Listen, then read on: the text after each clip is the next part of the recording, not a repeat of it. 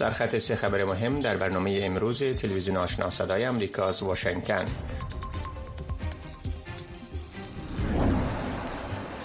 رئیس برنامه جهانی غذا در افغانستان بار دیگر از وضعیت ده میلیون نفر در افغانستان ابراز نگرانی کرده است که با گرسنگی شدید روبرو هستند و این سازمان به دلیل نبود بودجه نمی‌تواند به آنها کمک کند. حملات هوایی بر شهر ام درمان در غرب خرطوم پایتخت سودان روز شنبه کم از کم 22 کشته و ده ها زخمی بر جا گذاشت. و برخی مسئولین پارک های هرات از ورشکستگی و بی و سامانی محلات تفریحی در این ولایت شکایت دارند.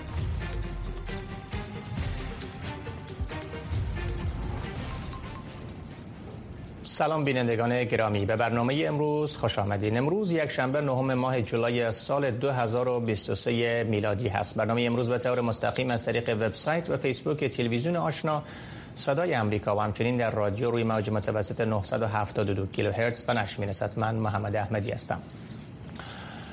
در برنامه امروز همکارم ژیلا نوری در استودیو با من هست. در مورد اظهار نگرانی سازمان برنامه جهانی غذا از متاثر شدن ده میلیون افغان از اثر بحران بشری و همچنین کمبود بودجه این مؤسسه ملل متحد برای کمک به آن گزارش خواهد داد. همچنان همکارم مسکا ساپای در پشاور پاکستان هست و در مورد مشکلات پناهندگان افغان ساکن در این کشور گزارش خواهد داد اما نخست گزارشی در مورد افغانستان.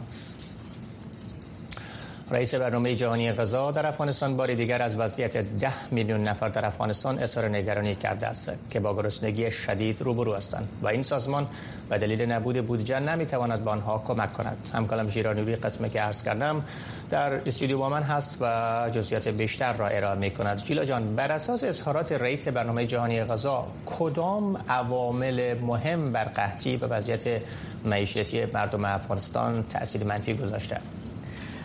تشکر آقای احمدی رئیس برنامه جهانی غذا در افغانستان با ابراز نگرانی از وضعیت ده میلیون افغان میگه که افغانستان به گرسنگی شدید روبروست و دلیل از او نبود بودجه کمک به مردم افغان است اما اساس اظهارات مقام برنامه غذایی برنامه جهانی غذا عدم مسئولیت غذایی قحطی اغلب ناشی از جنگ و خشکسالی شرایط اقلیمی و سایر آفات طبیعی و غیر طبیعی عوامل هستند که بر وضعیت زندگی مردم تاثیر منفی گذاشتند شاوی لی رئیس ایده در مصاحبه با رسانه ایور اکتیو که در توییتر نشر کرده گفته است که 10 میلیون افغان با گرسنگی شدید روبرو هستند.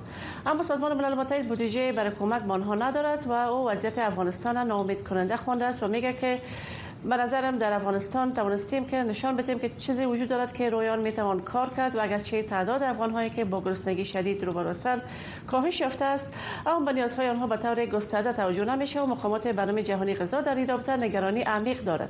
این مسئول برنامه جهانی غذا گفته که پس از آگوست 2021 شمار افغان های معروض با گرسنگی شدید در زمستان به 23 میلیون می‌رسید. اما در نتیجه کمک های نهادهای امداد رسان این رقم اخیرا به حدود 15 میلیون کاهش یافته است. این در حال است که عطاالله عمری سرپرست وزارت زراعت و آبیاری مالداری حکومت طالبان از افزایش 20 درصدی حاصلات گندم در سال روان خبر دادند. آقای احمدی.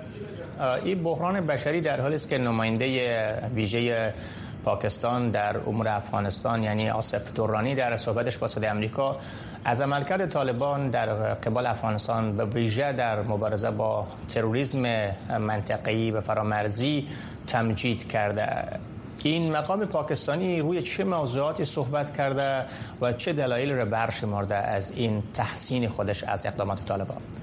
نماینده ویژه پاکستان در مورد افغانستان میگه که کشورش از اقدامات طالبا در افغانستان برای مقابله معسل با تروریسم فرامرزی استقبال می‌کنه. آصف دورانی در مصاحبه اختصاصی با صدای امریکا گفته که حکومت طالبا اخیرا اقدامات خاص را جهت رسیدگی به نگرانی های تروریسم فرامرزی پاکستان و سایر کشورهای همسایه از جمله چین روی دست گرفته است. آقای دورانی با رجوع به اظهارات اخیر از جمهور بایدن در مورد همکاری میان طالبان و ایالات متحده همچنان گفته که همانطور که رئیس جمهور بایدن نیز به همکاری طالبان افغانستان و مقامات امریکایی در اتخاذ اقدامات ضد دشت افغانی اشاره کرده ما هم امان انتظار داریم و این روند آغاز شده است. امیدوارم که در آینده در آینده نزدیک نتایج مثبت داشته باشیم. اسلام آباد معتقد است که شماری از عملات توسط رهبران و جنگجویان تحریک طالبان پاکستان مستقر در افغانستان طرح ریزی می شود دلیل افزایش عملات فعالیت گروه تحریک طالبان پاکستانی در داخل خاک افغانستان میگن. اما طالبان افغان که اکنون قدرت در افغانستان به دست دارن همواره تاکید می‌کنند که اجازه نمی‌دهند که خاک افغانستان علیه هیچ کشور استفاده صورت گیرد. آقای احمدی. تشکر جیلا جان. لطف کردن در خبر دیگر در مورد افغانستان مدت اعتبار کارت های اقامت پناهندگان افغان ساکن در پاکستان در حال ختم شدن هست و طبق برخی گزارش ها در ختم ماه جون مدت آن پایان یافته است و تا به حال این کارت های اقامتی تمدید نشده است. برخی از پناهندگان افغان به خبرنگار صدای آمریکا در پشاور گفته که در صورت عدم تمدید این کارت ها تا اواسط ماه جاری میلادی آنها بیکار خواهند شد و به عنوان افراد غیرقانونی در پاکستان قلمداد می شوند همکارم مسکا صاحب خبرنگار صدای آمریکا در پشاور پاکستان این رویداد را دنبال کرده و با برخی مقام های اداره مهاجرت و پرندگان پاکستان و کمیشنی پرندگان ملل متحد صحبت کرده. خانم صاحب روز سلام روزتان بخیر. مقام های پاکستانی در مورد انقضای این کارت ها و یا تمدید احتمالیش چی میگن؟ چقدر این کارت ها امکان داره که تا اواسط این ماه جاری تمدید شود. و اگر نشود چه تأثیری بر سرنوشت اقامتی افغان ها در پاکستان خواهد گذاشت؟ سلام با شما احمدی صاحب و به تمام بینندگان. بله قسمی که پناهجویان افغان مقیم در پاکستان زندگی می‌کنن و از طرف پاکستان به افغان ها بعض از کارت ها که به نام POR یعنی Proof of Registration یا شناسنامه یا کارت های مهاجرت داده شده بود و این کارها در کارت ها در سال 2021 نیز منقضی شده بود و دوباره تمدید گردیده بود که تاریخ آخرش هم تاریخ 30 جون سال جاری بود و با رسیدن تاریخ 30 جون کارت های مهاجرت افغان ها منقضی گردید. و تا کنون که روز گذشته هیچ یک جواب از سوی دفتر کمیساری عالی پناهندگان سازمان ملل متحد یا از دولت پاکستان نیست که با این کار افغان ها دچار مشکلات جدی می شوند و در پهلویش امروز هم یک معلومات تازه گرفتم و در این روزا با افغان ها یا پناهجویان افغان در ارتباط هستم که گفتن مشکلات زیاد دارن. زیرا ایده افغان ها که در اید رفته بودن از طریق تذکره هاشون افغانستان اکثریت آنها از طریق چمن یا کویته دوباره به پاکستان می آیند و وقتی که میان به بعضی از موترهای تصور می شوند تیکت می و تیکتشان بر اساس امی کارت ها است. که امروز هم به افغانای ما یعنی اجازه داده نشده بود که آنها به طرف پشاور سفر کنند و در پالیش ایده افغان ها گفتن که وظیفهشان در خطر است. چون اگر کارتهایشان تمدید نشود مشکل ایجاد بشود و مبادا که از وظیفه خود هم خارج شوند در پالویش بعضی از کمپ ها با مردم کمپ نی صحبت کردم. آنها هم گفتن که اگر درگیر پلیس بیاین باز هیچ چاره ای ندارن. چرا که فعلا تمام افغان ها در پاکستان غیر قانونی شدن و قانونی گفتن نمی‌شوند بله. کمیشنری بنندگان ملل متحد در مورد این وضعیت چی میگه؟ آیا اونها تلاش هایی را برای تمدید کارت های اقامتی پناهندگان با جانب پاکستانی آغاز کردن پیشرفت چی بوده؟ بله با سخنگوی کمیساری عالی پناهندگان سازمان سازمان ملل متحد که قیصر افریدی است صحبت کردیم.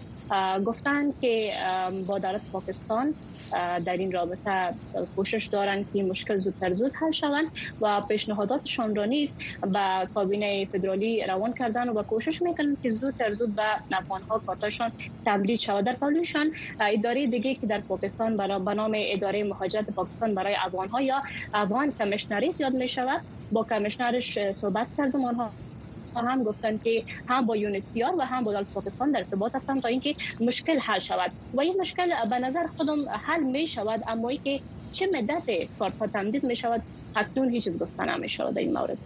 تشکر از مسکا ساپای خبرنگار صدای آمریکا در پشاور پاکستان که در مورد مشکلات پناهندگان افغان در این کشور گزارش دادن. روزتان بخیر. تشکر.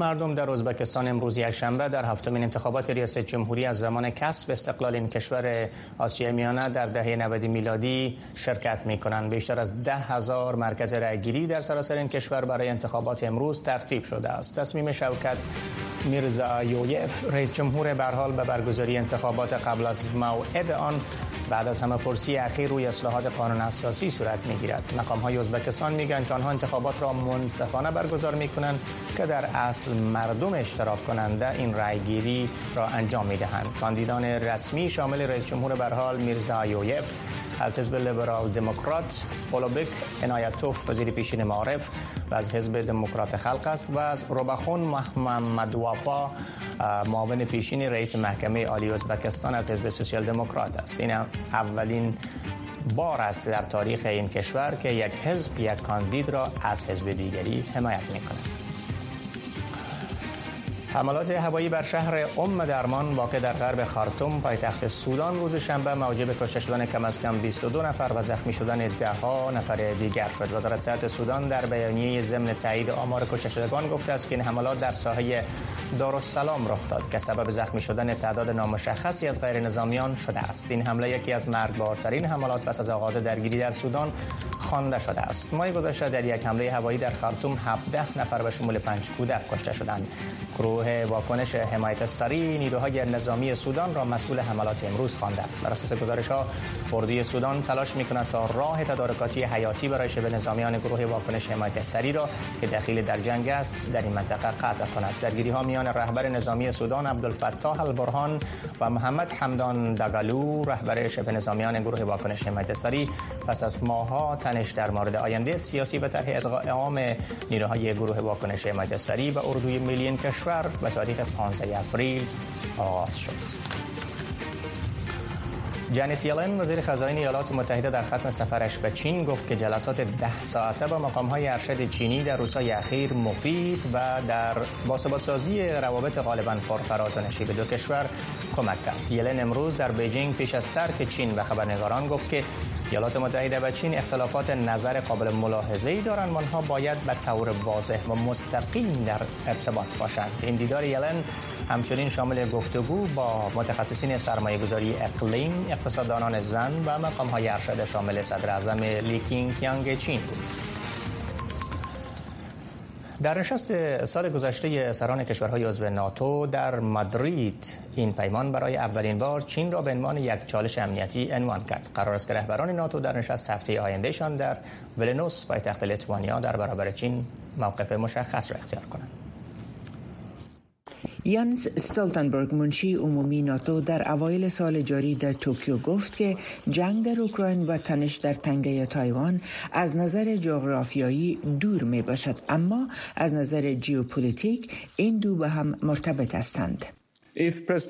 اگر رئیس جمهور پوتین در اوکراین برنده شود این وضعیت پیامی را میفرستد که رژیم های استبدادی می توانند از طریق زور به اهداف خود دست یابند که بسیار خطرناک می باشد بیجینگ این همه را از نزدیک دنبال می کند و از آن درسهایی را می آموزد که ممکن بر تصمیمات آینده آن کشور تأثیر گذار باشد. اگر شی جینپینگ رهبر چین تصمیم گیرد که بر تایوان حمله کند این امر پای امریکا و ناتو را به جنگ می کشاند احتمالی که متحدین باید برای آن برنامه ریزی کنند پیش بینی استراتژیک ناتو در نشست سال گذشته در مادرید چین را ایجاد کننده آزمون های سیستماتیک برای امنیت کشورهای اروپایی عنوان کرد. این پیمان امسال در اجلاس ویلنیوس لیتوانیا نیاز دارد تا این نظریه را به اقدامات عملی تبدیل کنند. فراتر از موضوع تایوان و تردد آزادانه کشتی ها در مسیر آبی ناتو نگران نفوذ رو به رشد بیجینگ بر زیر ساخت های حیاتی اروپا مانند شبکه اینترنت سریع 5G و فعالیت های نفوذی آن است. بر علاوه فعالیت های سایبری و ترکیبی اما به طور کلی تر نفوذ سیاسی چین در اروپا البته یک نگرانی رو به افزایش می باشد. استرالیا، ژاپن، نیوزیلند و کره جنوبی که شرکای این پیمان در هند و اقیانوس آرام می باشند، سال گذشته در نشست ناتو حضور داشتند و امسال هم در نشست ویلنیوس شرکت می کنند. کشورهای هند و اقیانوس آرام تجربه منحصر به خود را در تعامل با جمهوری خلق چین دارند و می توانند برخی از دیدگاه های ارزشمند خود را در این نشست شریک بسازند. در حالی که کشورهای عضو ناتو به این موافق هستند که آزمون چین واقعی است اما پیرامون چگونگی رسیدگی به آن در میان این کشورها تفاوت‌های وجود دارد این در حال است که بسیاری از کشورهای اروپایی به شدت به سرمایه گذاری و تجارت چین متکی هستند بر اساس معلومات اتحادیه اروپا چین تقریبا ده درصد از صادرات و حدود 20 درصد از واردات کشورهای اروپایی را تشکیل می دهد.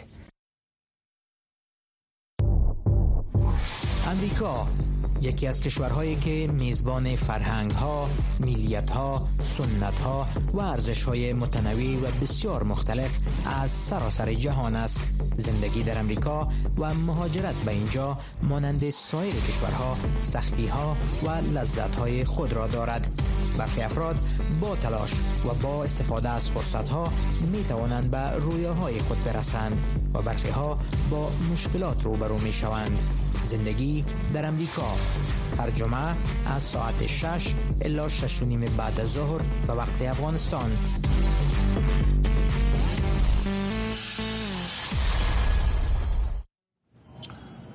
پس از تسلط طالبان و وضع محدودیت های روزافزون بر حضور زنان و خانواده ها در پارک های تفریحی شماری از مسئولین این پارک ها در هرات از ورشکستگی و بی سر و سامانی محلات تفریحی در این ولایت شکایت دارند. شهر هرات که گفته می شود حدود 17 پارک تفریحی داشت شماری از این پارک ها به خاطر عدم حضور بازدید کنندگان حالا مسدود شده است.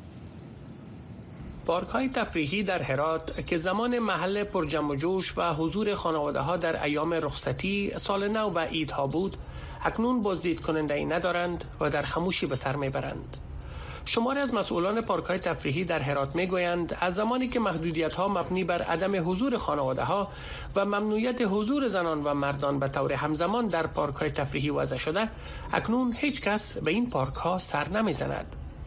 غلام نبی غفوری مسئول پارک فرهنگ یکی از پارک های تفریحی در شهر هرات است. کارابارا نسبت به دیگه سالا کم وضعیت نوخیم شده چون از که قبلا که بود پارکا فامیلیا آزاد بود فامیلیا می آمدن آن یک کرام اضافه فامیلیا را به پارکا نمی‌گذارم. نسبت به دیگه سالا به دیگه ایدا فعلا کم شده میره. به کاهش یافته. آقای غفوری ضمن اشاره به وضعیت بد شرایط تفریحی و عدم علاقمندی مردم به حضور در پارک ها اعلام می کند که از زمان وضع محدودیت ها بالای مراجعین پارک ها در این ولایت ضربه اقتصادی برای پارکداران شهر نیز وارد شده است. طالبان در اول اعلام کرده بودند که در صورت نیاز باید زنان و مردان برای تفریح در روزهای جداگانه به پارک ها حضور یابند. اما مدت سپری نشده بود که سال گذشته وزارت امر به معروف و نهی از منکر حکومت طالبان ورود زنان را به پارک های تفریحی منع کرد. این در حالی است که در تازه ترین اقدام به آرایشگاه های زنانه نیز یک ماه وقت داده شده است تا فعالیت هایشان را متوقف سازند. مسئول پارک فرهنگ به پژواک گفت که در گذشته مردم با خانواده هایشان یک جا به پارک ها می آمدند اما به گفته وی اکنون با وضع قوانین جدید همه پارک ها با ورشکستگی روبروند. از سوی هم برخی از باشندگان ولایت هرات می‌گویند که تفریح از نیازهای اولیه برای بهبود روان و صحت مردم است. اما با توجه به محدودیت های طالبان باشندگان این ولایت به ویژه زنان از این فرصت محروم شدند. وضعیت پارک ها به عموم فعلا خیلی خوب نیه. مردم رفت آمد نداره. خیلی کمه. خصوصا حالا فامیلی هم اجازه اومدن نداره. پارک ها به حالت ورشکستی کس نمیاد به پارک در زمینه خواستیم نظر اداره امر به معروف و نه از منکر طالبان برای ولایت هرات را. بابت وضع محدودیت ها به دست آوریم اما بارها با تلاش های مجدد موفق نشدیم. با این حال ریاست شاروالی طالبان برای ولایت هرات بدون اشاره به عوامل و یا هم وضاحت در مورد اقدامات بعدی این اداره در قبال حمایت از پارک می گوید که این اداره در قسمت عقد قرارداد با پارک نیز تغییرات را به وجود آورده است. سهولت هایی که واقعا نیاز بوده و لازم بوده برایشان در نظر گرفته شده و سهولت های نیز برایشان داده شده که حج جمله ما می‌توانند با درک شرایط و اوضاع اقتصادی برایشان تخفیف داده شده و همچنان سایر مواردی که در شوکات قانون و اصول از طرف مسئولان ریاست شهرولی با مستاجرین پارک ها و پارکینگ ها نیز صورت گرفته گفتنی است که شهر هرات 17 پارک تفریحی دارد که با وضع محدودیت ها دروازه برخی از این پارک ها در کنج کنار شهر از جمله باغ ملت بسته شده است. قاچاقبران انسان با نیرنگ های زیاد مهاجران را به های غیر قانونی بسیار خطرناک تا اروپا می کشانند. شمار از این مهاجران در سربستان می گویند که آنان فریب قاچاقبران را خوردند و عامل اصلی مرگ مهاجران در راه اروپا قاچاقبران انسان هستند. ولی آریان خبرنگار صدای آمریکا چگونگی سفر قاچاقی برخی از مهاجرین افغان را از سربستان به بوسنیا و کرواتیا در این گزارش به تصویر کشیده است. نه شب دارند و نه روز هر آن در پی فرصت استند تا سر سلامت از این بی سرنوشتی بیرون ببرند. قاچاق بران ما خوب می دانند که در کجاها و چگونه مهاجران را شکار نیرنگ های راه های قاچاقی کنند. پارک است در قلب بلگراد پایتخت سربستان. نخستین باره که مهاجران به این شهر میاند به امین پارک. جاگزین میشن. در میان مهاجران و در میان قاچاقبران انسان این پارک به نام پارک افغان معروف است. در میان سربستانی ها نیز در این پسان ها این پارک به نام پارک افغان ها معروف شده است. زیرا مهاجران افغان بسیار به اینجا سرازیر می شوند و از اینجا نیز قاچاقبران انسان به آسانی مهاجران به ویژه نوجوانان را به راه های قاچاقی پرهزینه می کشانند وحدت الله حیات مدت است سخت سرگردان اما راهی برای بیرون شدن از اینجا ندارد. زیرا بیرون شدن از مرسا به گونه غیر قانونی دیگر چون گذشته ها آسان نیست. بوسنیه په طرف رواني په لار کې ډیر مشکلات دي. دوه کده سره کی. کومه خبر چې قاچاقبر کې هغه ټول مکمل درو وای. په لار کې مثلا توای چې درې ورځې څلور ورځې لار ده او موږ لاس ورځې راوستو. توای پدروي کم ده پدروي ټول مکمل پدروي باندې مراولي. جنگل است در بیرون از شهر بلگراد. مهاجران زیادی از این مسیر و به گونه قاچاقی به سوی مرزهای بوسنیا می روند تا از آنجا به کرواشیا بروند. اینان راه درازی را پیمودند تا به اینجا رسیدند و اگر پلیس به چنگ بیاوردشان برایشان مشکل آفرین خواهد شد و دوباره به بلغاریا برگشتانده خواهند شد. امید 16 سال دارد و با مشقت های بسیار خودش را تا به اینجا رسانیده است. غواړم ان شاء الله چې شم. مشکلات مشکلات ولا زیاد دي لار سخت دي و در این میان اما سال هاست که کسانی را شانس یاری نکرده است و بی سرنوشت در سربستان گیر ماندند درست چون سیدیقلا از ولایت ننگرهار کسی که بارها تا مرزهای بوسنیا رفته است و اما با بچنگ افتادن پلیس به پناهگاه بی سرنوشتیش به سربستان برگشته است. هنوز اما دلسرد این سفر در و پرچالش نشده است و تا رسیدن به فرانسه هوای بسیار در سر دارد ما خپل ول ستلس گیم وهلې دی برګشم بوش دلته ناسم دغه ته پته مې چې ځان مخ کې وباسم کجا می خواستی بری فرانس کجا برگشت خوردی د بوسنیام برگشت خوردی د انګریم انګری باندې برګشت شوی بوسنیا باندې را لار باندې پوشي برګشت شوی رومانیا چانس نه ورکې لګ لګ چانس نه ورکې سربستان جایی نیست که مهاجران بمانند. اینجا مسیر گذرشان از راه های غیر قانونی به کشورهای دیگر است. و اما از آنجایی که مرزها به شدت زیر نظارت مرزبانان هستند خیلی آسان نیست که مهاجران ترک سربستان کنند. و این افراد ناگزیر می شوند تا یاری شانس در نزدیک های مرزها و در میان جنگلات پناه بگیرند. عبدالولی آریان تلویزیون آشنا صدای امریکا بلگراد. مرور هفتوار بر مهمترین رویدادها و گزارشها از افغانستان و جهان هر جمعه شب از ساعت هفت تا هفت و سی در برنامه سی دقیقه از تلویزیون آشنا صدای امریکا پخش زنده این برنامه را در نشرات ماهوارهی صدای امریکا نیز دنبال کرده می توانید.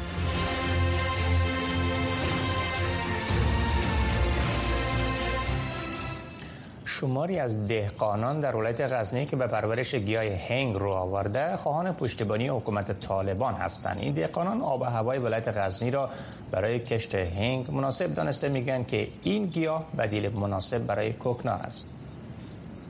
از ده پوتا یک پوتیش غلام حضرت آدینه که از چهار سال به این سو به کشت هنگ رو آورده می‌گوید این گیاه حاصل بهتر و درآمد بیشتر در تناسب به کوکنار دارد. این دهقان از حکومت طالبان می‌خواهد که آنان را در ترویج کشت هنگ همکاری کند.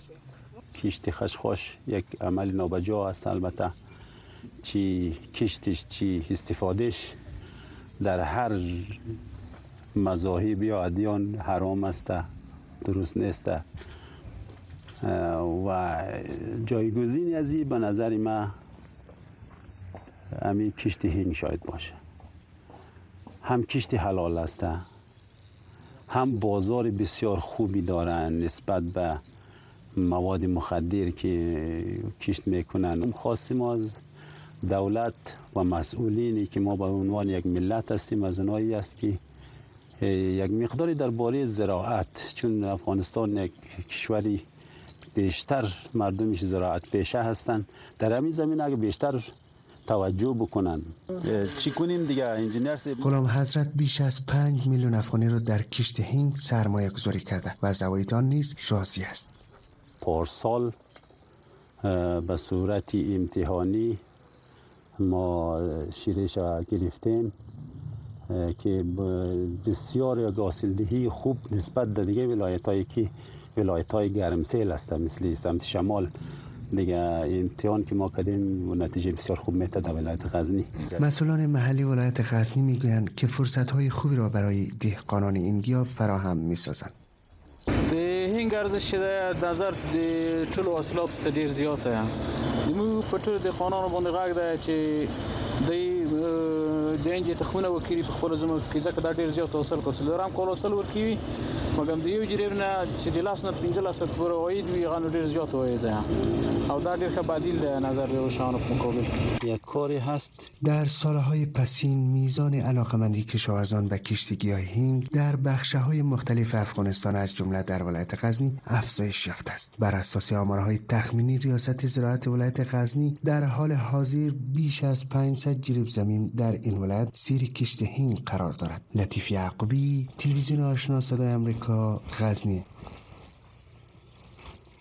در عصر و زمان تغییر که جهان نامطمئن به نظر می رسد و آنچه میشنویم منعکس کننده آنچه می بینیم نیست ما به دنبال حقیقت می براییم وقتی تنها بخشی از حقیقت و آنچه اتفاق افتاده به ما گفته می شود اعتماد از بین می رود رویاها آرزوها و خواهشاتمان برای یک فردای بهتر و مطبوعات آزاد بستگی دارد. در صدای امریکا ما روایتگر گزارش هایی هستیم که مردم برای دیدن آن خطر را متقبل می شوند ما در صدای امریکا جهان را با حقیقت به هم نزدیک و متحد می سازیم تصویر کامل حقیقت و آنچه را که اتفاق افتاده به شما بازگو می کنیم بینندگان گرامی این بود داشته های برنامه امشب تلویزیون آشنا صدای امریکا تا لحظات بعد شما شنونده و بیننده نشرات رادیو آشنا خواهید بود که به گونه زنده از طریق وبسایت و فیسبوک نشر خواهد شد. موفق و کامیاب باشید.